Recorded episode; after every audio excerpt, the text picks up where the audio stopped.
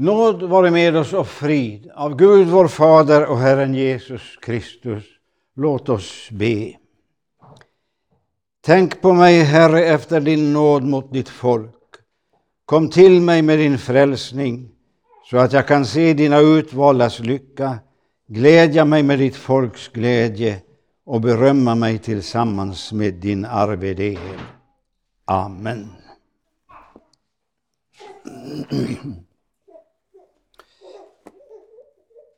Ett kyrkoår har avslutats.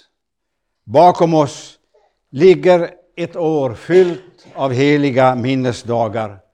Och nu väntar oss ett nytt kyrkoår där vi under ett år enligt en textordning som i stort sett brukats sedan kristendomen infördes i vårt land genom ordets undervisning möter olika delar av kristen tro till uppväckelse, till omvändelse och frälsning. En kort eh, översikt över vårt kyrkoår. Först kommer adventstiden.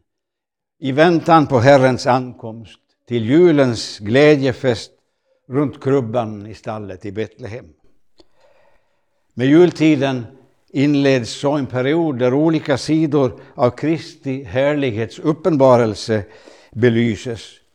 På annandag jul påminns vi om lidandet i Jesu efterföljd och på nyårsdagen om Jesu omskärelse och om innebörden i frälsarenamnet Jesus. Trettondagen handlar om Jesu uppenbarelse för hedningarna då vi i evangelietexten möter de visa männen från Österlandet.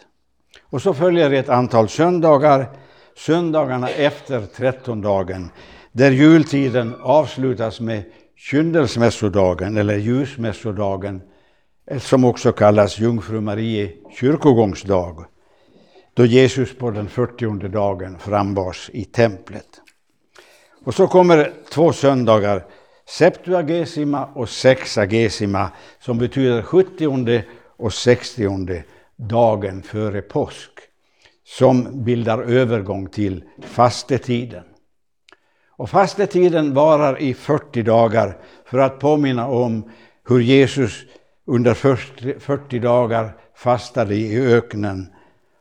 Och det är alltså en tid då vi i stillhet och begrundan får vandra med Jesus på Guds kärleksväg. Upp till Jerusalem där han på palmsöndagen rider in i Jerusalem enligt den text vi har läst idag i evangeliet. Och så följer stilla veckan med händelserna i Jerusalem fram till korsfästelse, död och begravning avlöst av postens och påskens och uppståndelsens segerfest. Och så följer påsktiden som räcker i sju veckor fram till pingst. Och den handlar om vandringen med den uppståndne och också om förberedelserna för Jesu himmelsfärd, den tid då lärjungarna ska gå ut i hela världen och predika evangelium. Så kommer pingsten, den femtionde dagen efter påsk, med den helige Andes utgjutande över den kristna församlingen. Och då firar, firar vi också minnet av kyrkans grundande. Och så följer trefaldighetstiden, då vi under en lång rad av söndagar får behandla Guds frälsningsverk och där också olika sidor av det kristna livet belyses. Och så avslutas kyrkåret med domssöndagen och dess högtidliga budskap, både med allvar och glädje på den yttersta dagen. Så firar vi då idag nyårsdag i Guds rike på jorden. Det är en stor förmån och nåd att varje gång vi får börja ett nytt kyrkoår här på jorden och möta alltså ett nytt nådens år från Herren. Och Det betyder att Herren vill fortsätta att komma till oss, tala till oss genom sitt ord, väcka oss genom sin ande och förklara för oss sitt frälsningsverk i Kristus Jesus. Han verkar fortfarande, alltfort kallar han människor till sitt rike. Så börjar vi då ett nytt nådens år från Herren. Och i Lukas evangeliet så kan vi läsa om vad det, vad det betyder. För Jesus predikade i Nasarets synagoga och han slår upp för att läsa och så räckte man honom profeten Jesajas bokrulle och så läste han Herrens ande är över mig, ty han har smort mig till att predika glädjens budskap för de fattiga. Han har sänt mig för att ropa ut frihet till de fångna och syn för de blinda, för att ge de betryckta frihet och predika ett nådens år från Herren. Glädjens budskap, det är evangelium. Och till att förkunna detta för de fattiga, till detta är Jesus smord, utvald och välsignad och sänd till oss. Och nu handlar det ju inte om att vara fattig på jordiska tillgångar, utan det handlar om de som har funnit sig vara fattiga, ja totalt utarmade på alla andliga tillgångar. Det handlar om andens fattigdom. Och för sådana förkunnas evangelium som säger att fattiga syndare i Kristus Jesus äger de största andliga rikedomar, rättfärdighet och helighet, ja, all himlens härlighet. Och så var han sänd att förkunna frihet för de fångna, för alla de som ligger fångna i sina i fängelse och som inte har någon möjlighet av genom egna krafter och förtjänster köpa sig frihet inför lagen. För dem förkunnas frihetens evangelium. Romarbrevet 8 och 1. Så finns nu ingen fördömelse för dem som är i Kristus Jesus. Ty livets andes lag har i Kristus Jesus gjort mig fri från syndens och dödens lag. Och vidare, han skulle komma med syn för de blinda. Och därför sjunger vi i den gamla söndagsskolsången Jesus för världen givit sitt liv. Öppnade ögon, Herre, mig giv. För att ge det betryckta frihet. Jesus kallar, kom till mig, alla ni som arbetar och är betungade, som bär på tunga samvetsbördor, så ska jag ge er frid och ro. Mitt ok är ljuvligt och min börda är lätt. Så predikar Herren ännu ett nådens år för oss denna första advent år 2023. Påsken är nära.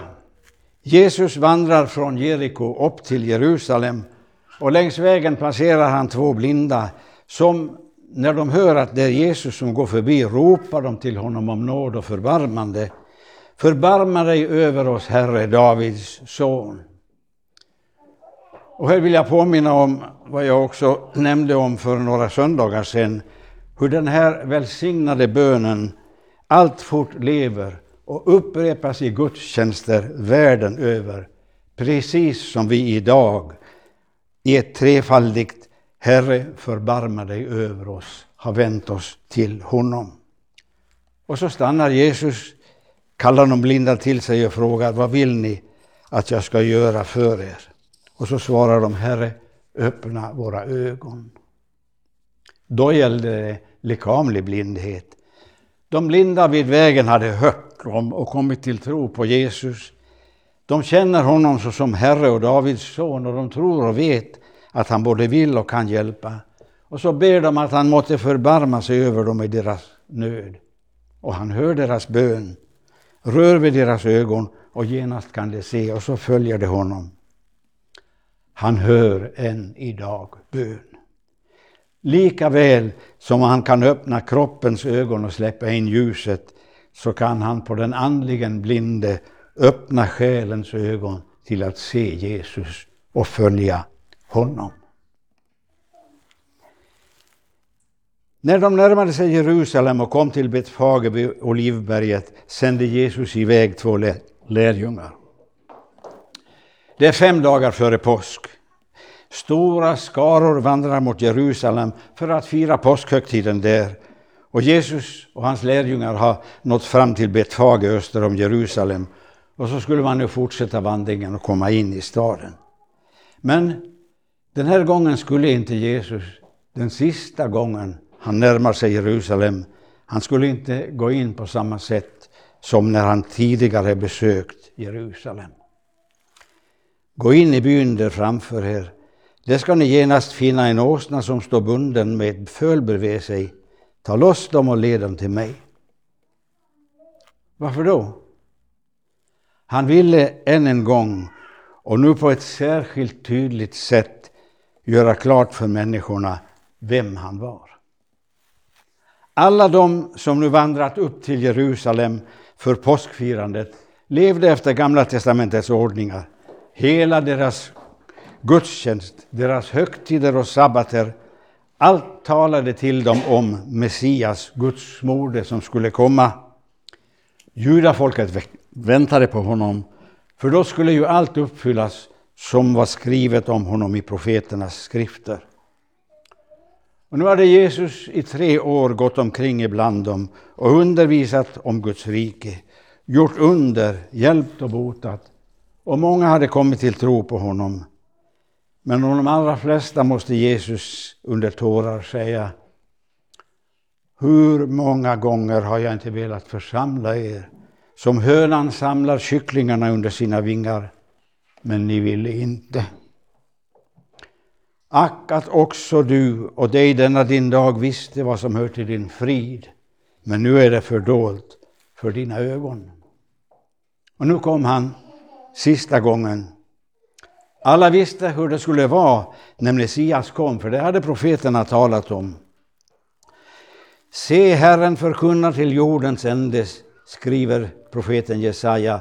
Säg till dottern Sion, se din frälsning kommer.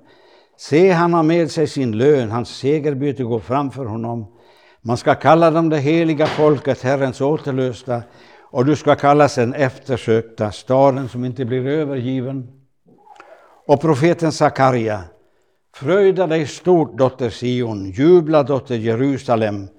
Se, din konung kommer till dig, rättfärdig och segerrik är han. Han kommer ödmjuk, ridande på en åsna, på en åsninnas föl. Så skulle det vara enligt vad Herren hade sagt genom profeterna och därför blev det också så. Jesus sa till de två lärjungarna, gå in i byn framför er. Där ska ni genast finna en åsna som står bunden med ett föl bredvid sig. Ta loss dem och led dem till mig. Och om någon säger något till er ska ni svara, Herren behöver dem och han ska strax skicka iväg dem. Detta hände för att det som var sagt genom profeten skulle uppfyllas. Säg till dottern Sion, se din kon, kon, kung kommer till dig, ödmjuk och ridande på en åsna, på en arbetsåsnas föl. Och folket förstod vad som skedde. Hela staden kom i rörelse och uppståndelsen var stor. Vem är han? frågar man sig. Och svaret var, det är profeten Jesus från Nasaret i Galileen. Det är alltså han som profeterna har vittnat om. Den utlovade kungen, befriaren, hjälparen. Och så samlas man längs vägen, breder ut kläderna, viftar med palmkvistar och sjunger lovsången Hosianna, Herre fräls, hjälp, giv seger åt Davids son. Se, din kung kommer till dig, ödmjuk och ridande på en åsna, på en arbetsåsnas föl. Så brukar inte en kung komma. Men här glimmade det inte av guld. Här fladdrade inga standar och här frustade inga hästar och här rasslade det inte i en livvakts glänsande rustningar. Den som här kom ägde inte ens en åsna. Hur skulle någon kunna tro att detta var en rättfärdig och segerrik kung? Vi sjöng En krona han ej bär, men dock en konung är. Hans prakt, hans makt är ganska ringa, dock kan han döden tvinga. För inte så länge sedan hade han kallat den sedan fyra dagar döde Lazarus ut ur graven och åter till livet. Och nu gick han för att fullborda det verk han hade kommit för att utföra. Vi sjunger i en av våra påsksalmer. Du segern oss förkunnar, du oss förlossat har. Dig priser våra munnar, o Jesu vårt försvar. Du dödens udd har krossat och gravens bommar lossat och livet fört därur. Han är en konung. Vet du inte att jag har makt att ge dig lös och makt att korsfästa dig, säger Pilatus till Jesus där han står framför domaren, sårad och sargad. Du hade alls ingen makt över mig om du inte hade fått den ovanifrån, svarar Jesus. Han kunde, om han ville, kalla på mer än tolv legioner änglar till sin hjälp. Hans makt är obegränsad och den omfattar också detta. Människosonen har makt att på jorden förlåta synder. Det är han som nu rider in i Jerusalem på en åsna, på en arbetsåsninnas fåle. Han har blivit fattig för vår skull, för att vi genom hans fattigdom skulle bli evigt rika. Han har blivit hånad, smädad, föraktad, slagen, törnekrönt och till sist korsfäst och dödad. Och allt har han gjort för vår skull, för att vi skulle räddas undan fördömelsen och ärva frälsning och salighet. Nog kunde vi sjunga med kung David i den 103 salmen. Lova Herren min själ och glöm inte allt gott han gör. Han förlåter dig alla dina synder och botar alla dina sjukdomar. Han friköper ditt liv från graven och kröner dig med nåd och barmhärtighet.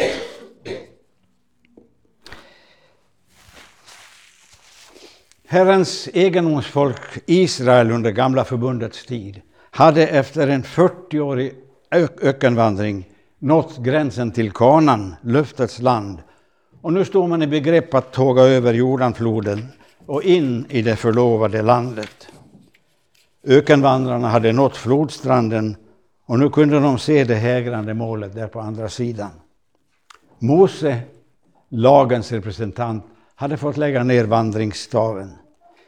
För det var inte lagen som skulle föra Herrens folk in i löftets land, utan det skulle Josua göra, han som bar samma namn som Jesus.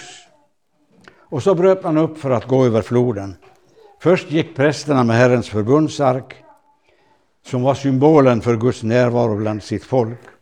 Och så snart deras fötter rörde vid Jordans vatten, som nu vid skördetiden svämmade över sina bräddar, så stannade vattnet uppströms och prästerna kunde på torr mark ställa sig mitt i flodfåran medan folket gick över.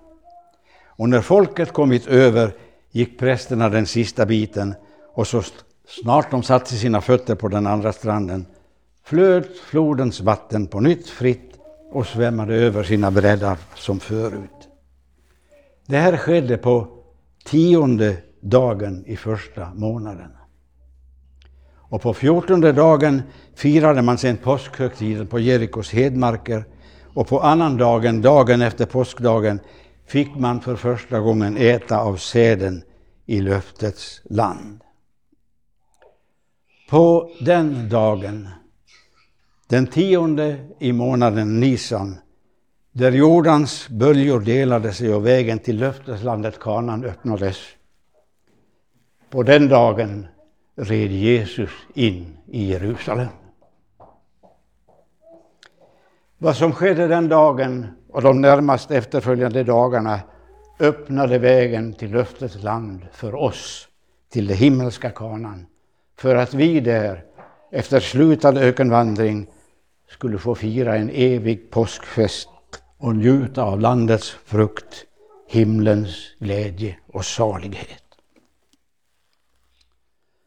Idag vill Jesus rida in.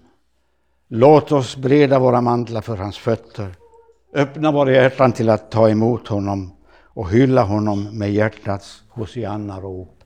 Herre, fräls, hjälp, rädda oss till den eviga salighet i det land där du har berett rum åt oss. Amen. Låt oss be.